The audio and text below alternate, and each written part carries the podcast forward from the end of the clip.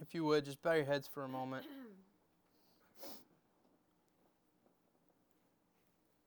And stay in that moment for just a second. Not to make you awkward or anything, but why is he powerful? Someone in a brief sentence, why is he powerful to you?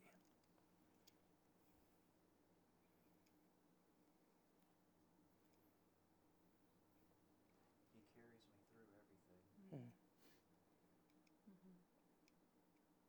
Why is he wonderful? He loves me unconditionally. hmm Why is he beautiful? He sees through all our flaws and sees the beauty. hmm He breaks our chains, even the ones we put on ourselves.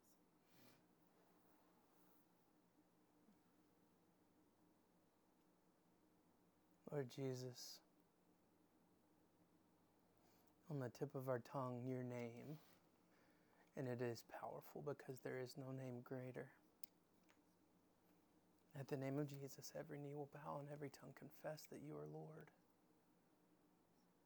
And God, right now, in your name, God, in your name we gather. Under your name, Jesus, we assemble. Lord, we talk about the grace and love of Jesus. We talk about the wonderful, beautiful, powerful name of Jesus today. And so, Lord, deep in our souls, speak. Deep in our spirits, breathe. And Jesus, have your way in these moments. In Jesus' name we pray. Amen. It's a sweet moment, sweet time.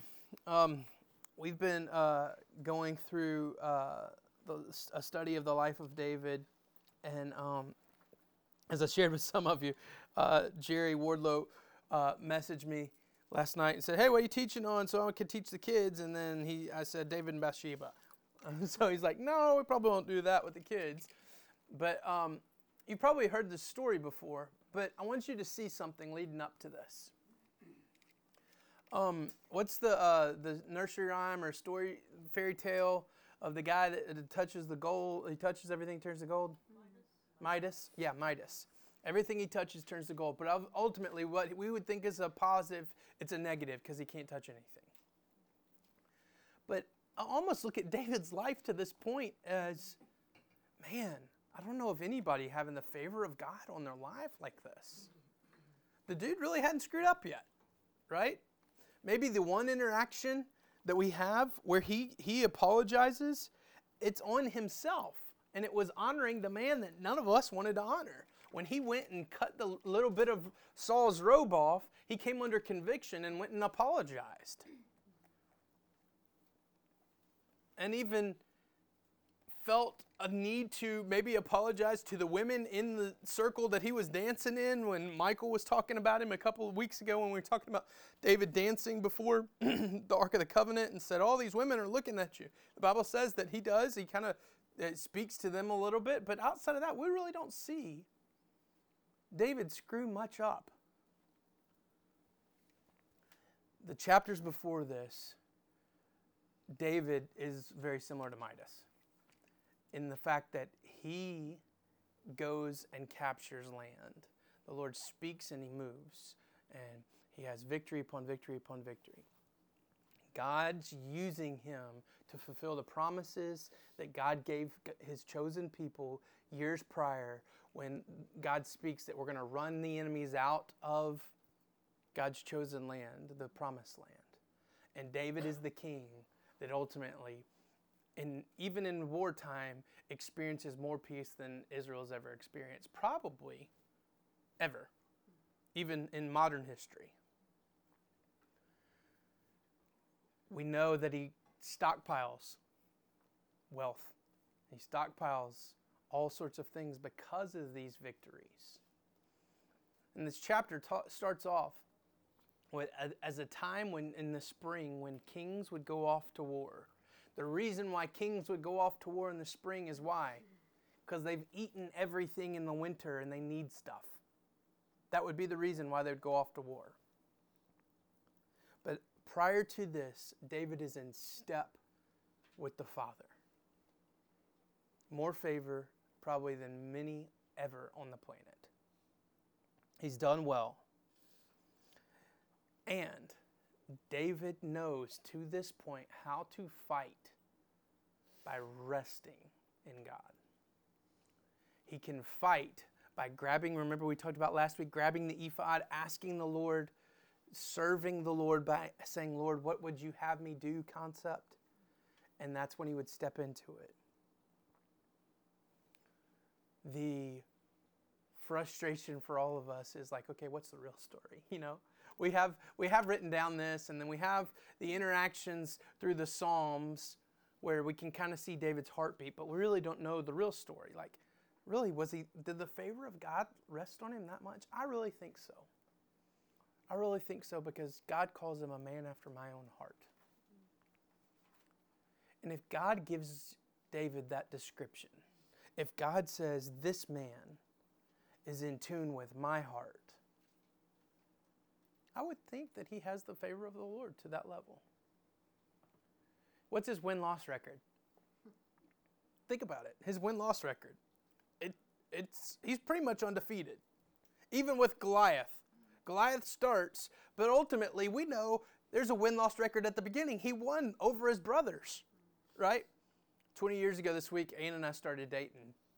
And um, I always joked, she had lots of boyfriends in high school. Um, but but uh, there was this one guy in particular. It's part of our story that that he came back in. He came back in her life. She breaks up with me, and goes back out with him. And for like six months, we're not together. But then I always finish the statement by saying, "I always win," right? Because I won, right? I won. In the concept of man, David has won to that level multiple times. He can look at his brothers and go, haha, I won. He can look at any Philistine and go, hey, remember Goliath? I won. He can look at Saul, who's now dead. He can look at any of the Lord's enemies. He can look at the tribe of Judah because they anoint him to be king. He can look at all of Israel. But he doesn't do that. He can even look to his wives, who he's captured. Where they were captured and he went back and stole them back. Y'all, everything he's touching. Think about his victories to this point. And we still see a humble king.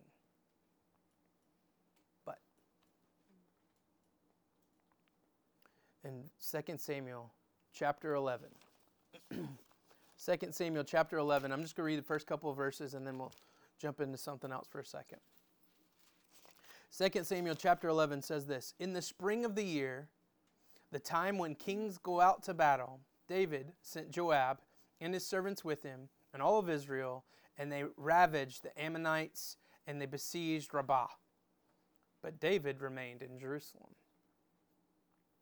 Sounds like a tired king, doesn't it? It happened late one afternoon when David arose from his couch and was walking on the roof of the king's house. They saw on the roof, uh, saw from the roof a woman bathing, and the woman was very beautiful. Let me stop right there. I'm going to give you first point. God never takes us out of our calling. He always gives us rest inside of our calling. God never takes us out of our calling. He always gives us rest inside of our calling. If he's LeBron James, okay? If he if David's LeBron James, he's never sitting on the bench. God never takes him out of the game. God provides rest inside the game. For us today, that's highly important because our natural tendency is to think that we've earned something. I've had a long day. I'm the king. In God's economy, whenever we use that E word of earned, He's going, no. You've earned nothing. We can't even earn God's rest. God gives rest in the midst of whatever task we've got going on.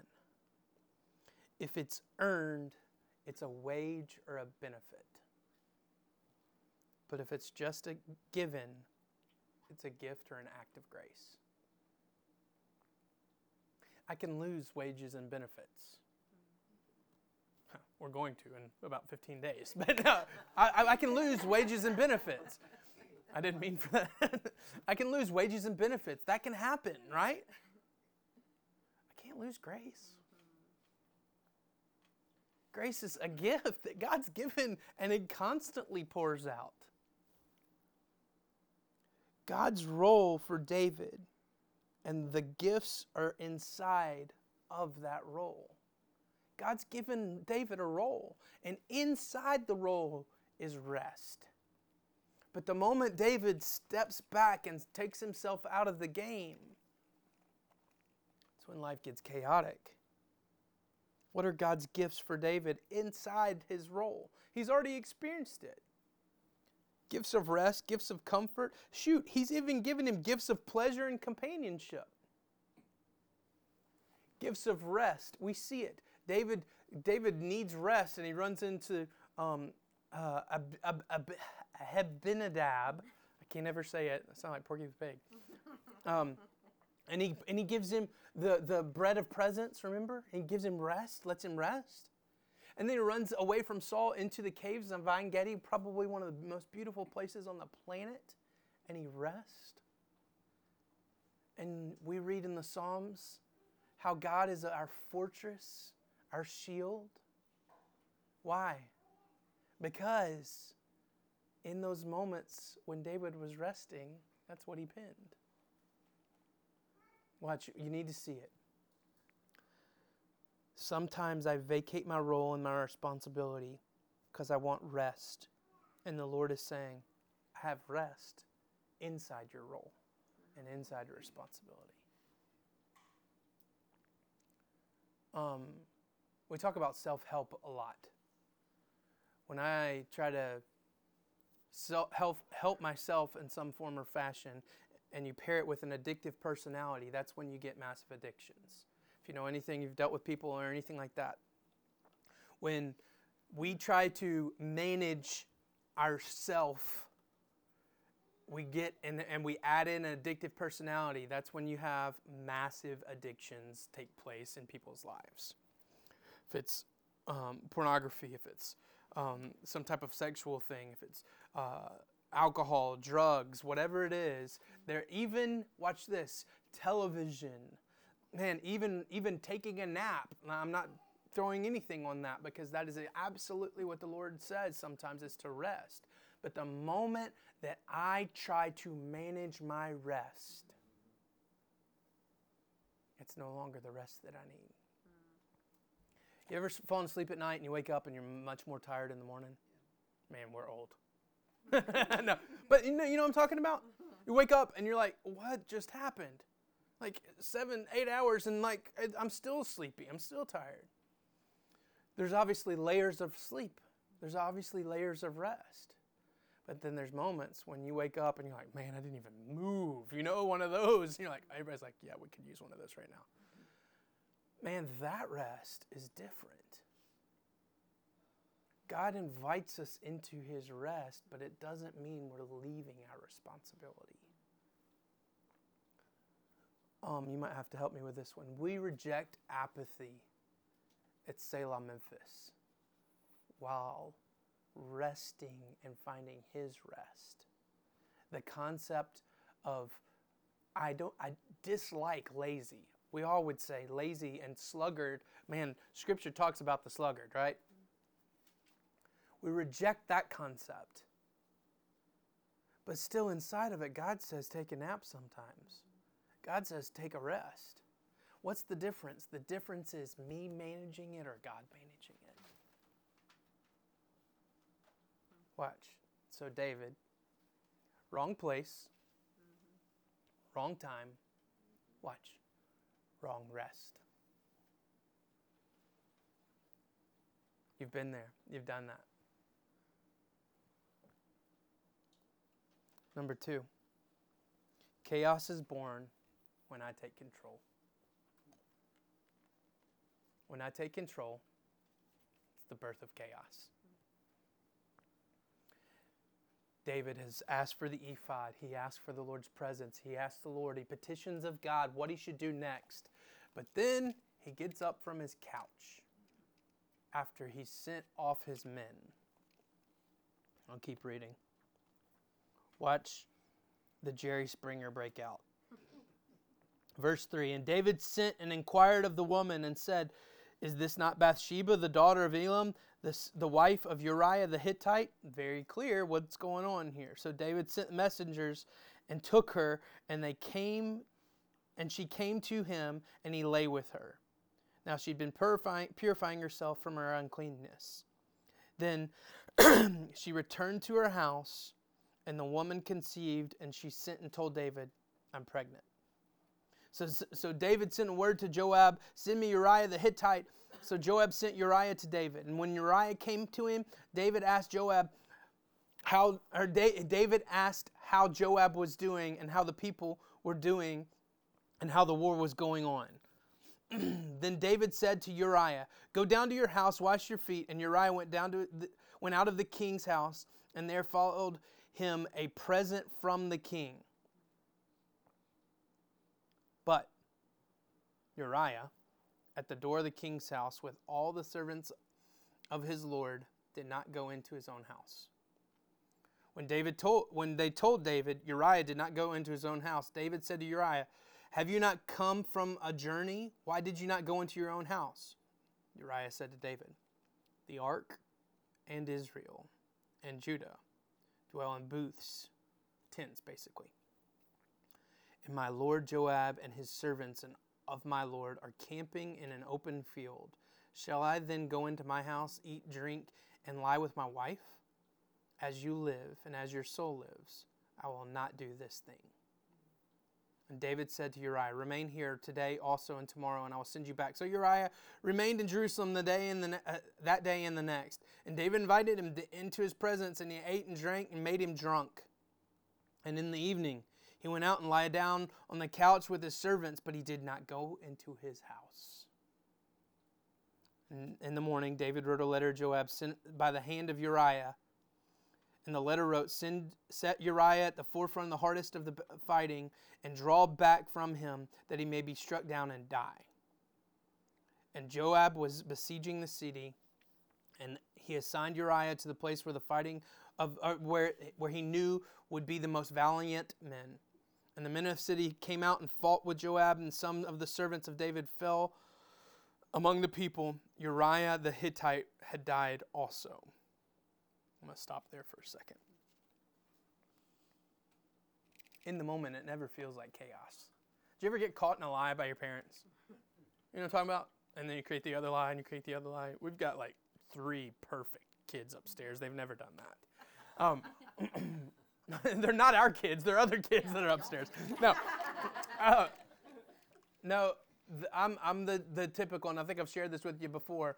Um, my mom, when I was growing up, spiritually manipulative. I just said that on a recording. Um, spiritually manipulative. My mom used to tell me when I was little, Jesus tells mommies when their sons are lying to them. I knew it. I still think it's true, y'all. I like I genuinely believe. Like I'm like terrified, and so so my mom would walk in sometimes. I was doing something I shouldn't, and my first reaction was nothing. You know, like like that. I was just not good at that. I was never good at that. Um, you can probably tell from my personality. I kind of live out in the open, and so hiding things doesn't work well with me. Okay, the control mechanism that we try okay, she's pregnant. I can make it look like he is the one that gave her the baby. So get him here. But watch this. Things unravel in a moment, but sometimes we don't even experience them till years later. We think in the moment, it feels like control but ultimately it's chaos. And that favorable touch that David had, he thinks might still be there. But ultimately, it's flipped 180 and now it's creating chaos instead of peace. Why would Uriah not go to his wife? Why did Joab obey the commandment to kill Uriah so blindly? Watch. Both knew their role and responsibility and were unwilling to operate outside of it. But David was not in his role and was operating outside of it. Wrong place, wrong time, wrong rest. And he tries to manipulate, he tries to fix. And ultimately, you know the story. He manipulates these things, tries to get Uriah drunk. He still stays faithful. And ultimately, he's staying faithful to David, who's been unfaithful to him. Y'all, watch this. Uriah is faithful enough that he carries his own death sentence and he doesn't even know it. David writes a letter to Joab and gives it to Uriah to give to Joab. Hands it to Joab. Joab reads it, probably in front of Uriah. Tells Uriah, go to the fiercest part of fighting. Now, David has taken an absent of role and it's progressed all the way to murder. And we can start counting the generations. Joab's affected. Bathsheba's affected. Uriah's affected. This little child's affected. Then that's only the names of the people that we know, much less those that watched it.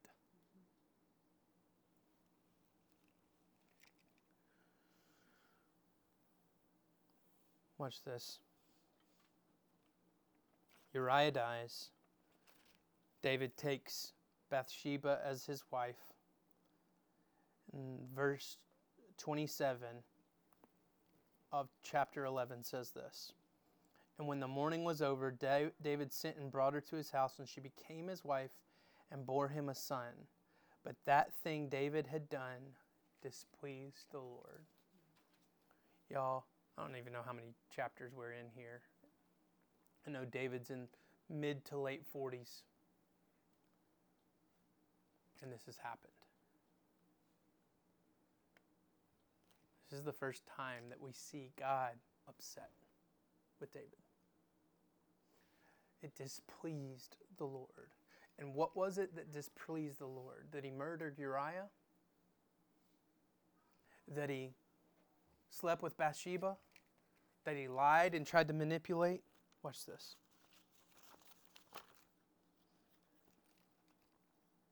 The thing that displeased God the most, David or Nathan the prophet comes to him in 2 Samuel chapter 12. And the Lord sent Nathan to David. And he came to him and said, There were two men in a certain city, one rich and one other poor. The rich man had many flocks of, and herds, but the poor man had nothing but one little ewe lamb, which he had bought. And he brought it up, and it grew up with him and his children. And he used it to eat a morsel, and, uh, and he used, used to eat of the, his morsel and drink from his cup and lie in his arms. It was like a daughter to him, this little lamb.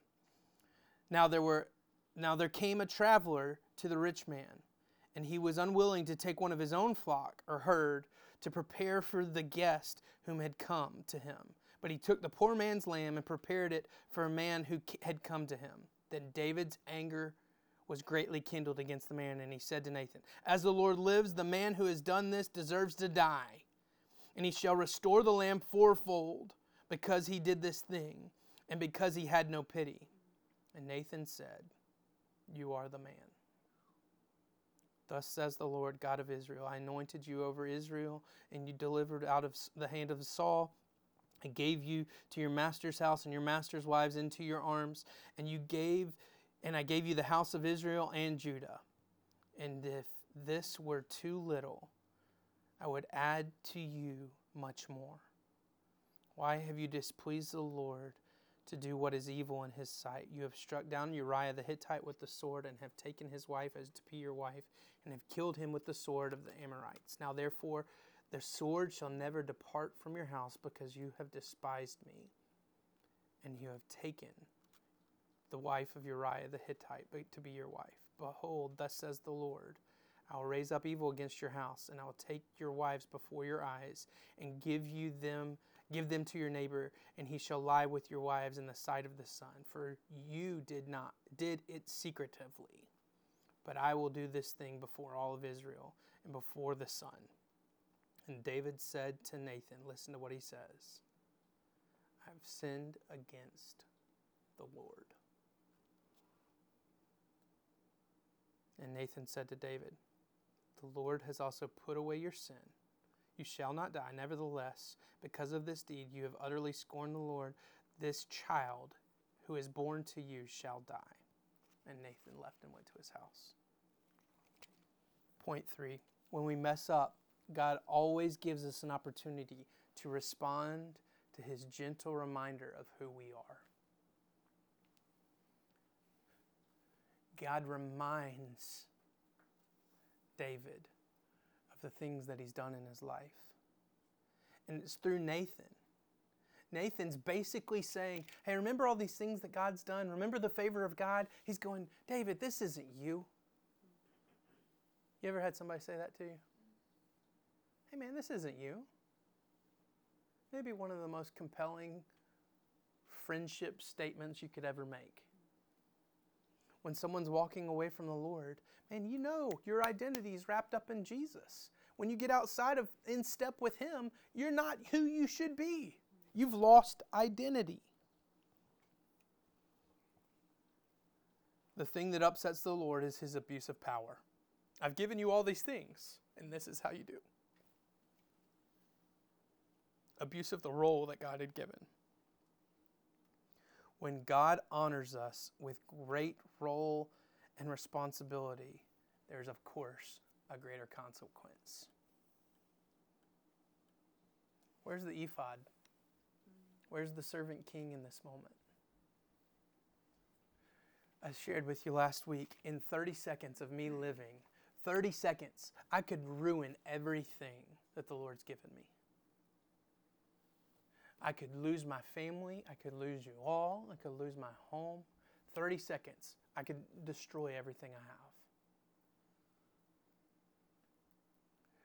When the Bible says the fear of God, that's what that is. Our awe and respect of understanding who He is, and not the fine line of a fickle God, but the steadfast standard of who God is. This is who He's always been, this is who He's always going to be, and I'm the one that bounces back and forth. In a moment of me taking control, I can hinder and impact many with my mistakes. Who was impacted? I already told you. Uriah, Bathsheba, Joab, now Nathan. The baby. Mm-hmm. But you know what David says? I've sinned against God.